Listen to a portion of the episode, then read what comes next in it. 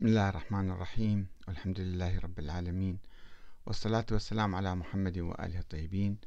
ثم السلام عليكم أيها الأخوة الكرام ورحمة الله وبركاته. هذا هو الفصل الثالث من الباب الأول ونتحدث فيه عن النظام العباسي والفكر السياسي السني عشية مولد الشيخ المفيد. وهذا طبعا آه، جزء آه، من كتاب الشيخ المفيد مؤسس المذهب البويهي الاثني عشري. يعتبر القرن الرابع الهجري قمة الحضارة الإسلامية لما قدمه المسلمون من علوم وما قاموا به من فتوحات بلغت أقصى الشرق وأقصى الغرب ولكنهم كانوا يعانون من أزمة سياسية دستورية عميقة أدت إلى تشرذم الدولة الإسلامية إلى عباسية وفاطمية وأموية وإلى صراع قومي وهيمنة بعض الجيوش التركية والفارسية على قلب الدولة العباسية في بغداد وإلى حدوث انقلابات عسكرية عديدة انعكست وأنتجت مذاهب فكرية دستورية متصارعة. بعضها يتشبث بما بقي من وحي وعقل أملا بالعدل والحرية وبعضها يتمسك بالأمر الواقع والقوة العسكرية. وبعض ثالث يحلق في الخيال والوهم والغلو والخرافة. وفي الحقيقة لم يبدأ هذا المشهد السياسي الفكري الدستوري في القرن الرابع الهجري وإنما ولد على أنقاض الخلافة الراشدة القائمة على مبدأ الشورى عندما سيطر الأمويون على السلطة بالقوة. اعتمادا على القبائل العربية. وأعقبهم العباسيون الذين استعانوا يوما بالفرس ويوما آخر بالأتراك ويوما ثالثا بجنود آخرين من قوميات أخرى كالبربر مثلا. لقد اعتاد المؤرخون على تقسيم الخلافة العباسية إلى عهدين قوي وضعيف. يبدأ العهد الأول من تاريخ استلام أبي العباس السفاح السلطة عام 132 وينتهي بقتل الأتراك للمتوكل عام 247 ولكنه لم يكن نظاما مثاليا طوال هذا القرن. فقد شهد عددا من الثورات العلوية كثورة ذي النفس الزكية عام 145 وثورة ابن أبي السرايا عام 199 كما شهد سيطرة البرامكة الفرس على عهد هارون الرشيد. الذي توفى الخلاف تولى الخلافة بعمر العشرين وفوض الحكم للبرامكة بشكل كامل ثم قضى عليهم فجأة قبل أن يتوفى أن يتوفى ويترك الخلافة العباسية موزعة بين أبنائه الثلاثة الذين تقاتلوا فيما بينهم وقتل المأمون أخاه الأمين. مستعينا بجيش يغلب عليه الفرس.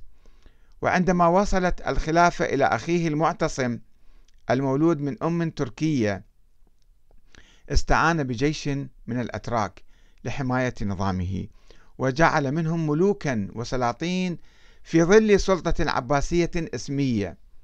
وهذا ما أعطاهم قوة واقعية لنصب بعض الخلفاء وعزل بعض آخر خلال العقود التالية من القرن الثالث الهجري فيما يعرف بالعهد العباسي الثاني. كما حدث عند تدخل السلطان وصيف اسمه وصيف. السلطان التركي في مبايعة المتوكل خلافا لرغبة البيت العباسي في اختيار محمد ابن الواثق. ثم قيام هذا السلطان بقتل المتوكل في مجلس شرابه في آه، عام 247 آه، آه، وتعيين ابنه المنتصر بالله وقتله بعد أقل من ستة أشهر ثم مبايعة أحمد المستعين بالله ابن المعتصم بالله. ولكن الأتراك أنفسهم لم يتفقوا هذه المرة فاختلفوا فيما بينهم. وقام, وقام القائد العسكري بغى اسمه بغى بقيادة الجيش التركي لفرض محمد المعتز بالله ابن المتوكل. ورغم تنازل المستعين ومبايعته للمعتز إلا أن هذا الأخير قام بقتله. ورغم خضوع المعتز للأتراك إلا أنهم خلعوه بعد فترة قصيرة وبايعوا المهتدي بالله ابن الواثق فاعتقل المعتز حتى مات في سجنه. وعندما حاول المهتدي كسر شوكة الأتراك بقتل قائدهم بايكال بعد أشهر من توليه الخلافة قام الأتراك بقتله قبل أن يكمل عاما واحدا في منصب الخلافة ثم بايعوا المعتمد على الله ابن المتوكل. ومن بعده المعتضد بالله الذي ورثه ورثه المكتفي ثم جعفر المقتدر الذي ولي الخلافة وهو ابن ثلاث عشرة سنة فاختل النظام العام كثيرا في أيامه لصغره. وكانت والدته شغب كان لها دور كبير في تسيير شؤون البلاد وتولية الوزراء.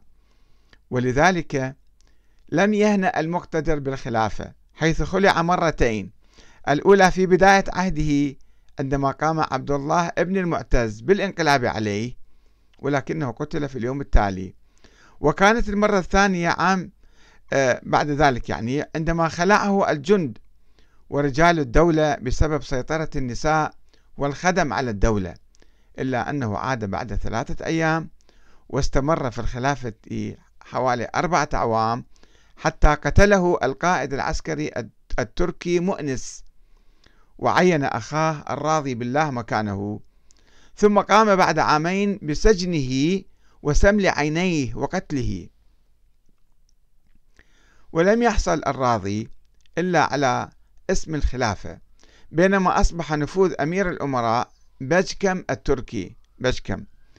قويا إلى درجة أن أهل الحل والعقد لم يستطيعوا تعيين خليفة بعد موت الراضي مباشرة إلا بعد أسبوع لحين عودة بشكم من واسط ومبايعته المتقي لله.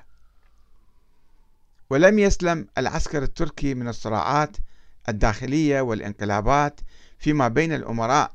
تلك الخلافات التي كانت تنعكس على موقع الخلافة أيضا حيث سيطر ابن البريدي على إمارة الجيش فترة من الزمن. ثم كورتكين ثم ابن رائق الذي هرب من ابن البريدي مع الخليفة الراضي إلى الموصل محتميا بالحمدانيين. ولم يلبث ناصر الدولة ابن حمدان أن قتل ابن رابق وتولى إمارة الأمراء بنفسه وأعاد الخليفة إلى بغداد. ولكن قائدا تركيا آخر هو التوزون. قام بالاستيلاء على السلطة وعزل الخليفة المتقي وسمل عينيه وبايع المستكفي بالله عام آه بعد ذلك. الذي لم يلبث في مقام الخلافة سوى عامين. الفكر السياسي العباسي آه اللي هم يعني كان يشمل عدة تيارات آه, من الفكر السني كان يضم ثلاثة تيارات. أولا الفكر السياسي العباسي الذي يؤمن بحق العترة أو العباسيين في الخلافة. العباسيين كانوا يعتبرون أنفسهم هم عائلة النبي. فهم إذا من العترة ويحق لهم الحكم. وتوارثها في هذه السلالة إلى يوم القيامة. ومن المعروف أن الخلافة العباسية قامت على القوة والقهر والغلبة ولكنها تلفعت أحيانا بغطاء أهل الحل والعقد. وهي فكرة مستمدة من تجربة الخلفاء الراشدين الذين اعتمدوا على بيعة أهل الحل والعقد سواء في سقيفة بني ساعدة أو بقي أو بيعة المهاجرين والأنصار أو الشورى العمرية الستة يعني. ولكن تطبيق مبدأ الشورى من خلال أهل الحل والعقد جرى بصورة مشوهة دائما حيث اقتصر على قاضي القضاة الذي يعينه الخليفة السابق أو أمير الأمراء قائد العسكري يعني وبعض الحاشية أو هؤلاء مجتمعين وهم لا يمثلون رأي الأمة بقدر ما يمثلون إرادة الخليفة السابق أو مركز القوة العسكرية في النظام في أي وقت. وقد خضع الخلفاء العباسيون منذ عهد المتوكل إلى هيمنة العسكر الأتراك الذين دأبوا على خلع خليفة وتعيين آخر مكانه فيما عرف بالعهد العباسي الثاني الذي غلب عليه الضعف والتقلص والخضوع لسلطة العسكر. ورغم كل هذا الانحطاط السياسي في نظام الخلافة فقد كان هناك من الفقهاء من يبرر ذلك وينظر له كما فعل الماوردي الذي أجاز للخليفة أن ينص على أهل الاختيار بل منع قيام أي فرد أو مجموعة من أهل الحل والعقد من ممارسة عملية الاختيار إلا لمن نص عليه الخليفة من قبل. معتبرا ذلك من حقوق الخلافة. وقد استلهم كثير من الفقهاء الحكم من تجربة الصحابة وبيعة أبي بكر وعمر وقالوا إنها استقرت بمجرد بيعة عمر لأبي بكر في السقيفة. بعضهم قال ذلك. وعهد أبي بكر لعمر فلم تكن هناك حاجة ماسة لبيعة الأمة بعد ذلك. إلا من أجل تقديم الطاعة للخليفة الذي استقرت إمامته. وهكذا قسم كثير من الفقهاء البيعة إلى قسمين بيعة الانعقاد وبيعة الطاعة. وذهبوا إلى أن الإمامة تنعقد بالبيعة الأولى. هذا هو المقطع الأول آه، من الفصل الثالث. وسوف نتحدث عن آه، بقية التيارات السنية الفكرية السياسية كالمذهب الحنبلي والمعتزلة في الحلقة القادمة. والسلام عليكم ورحمة الله وبركاته.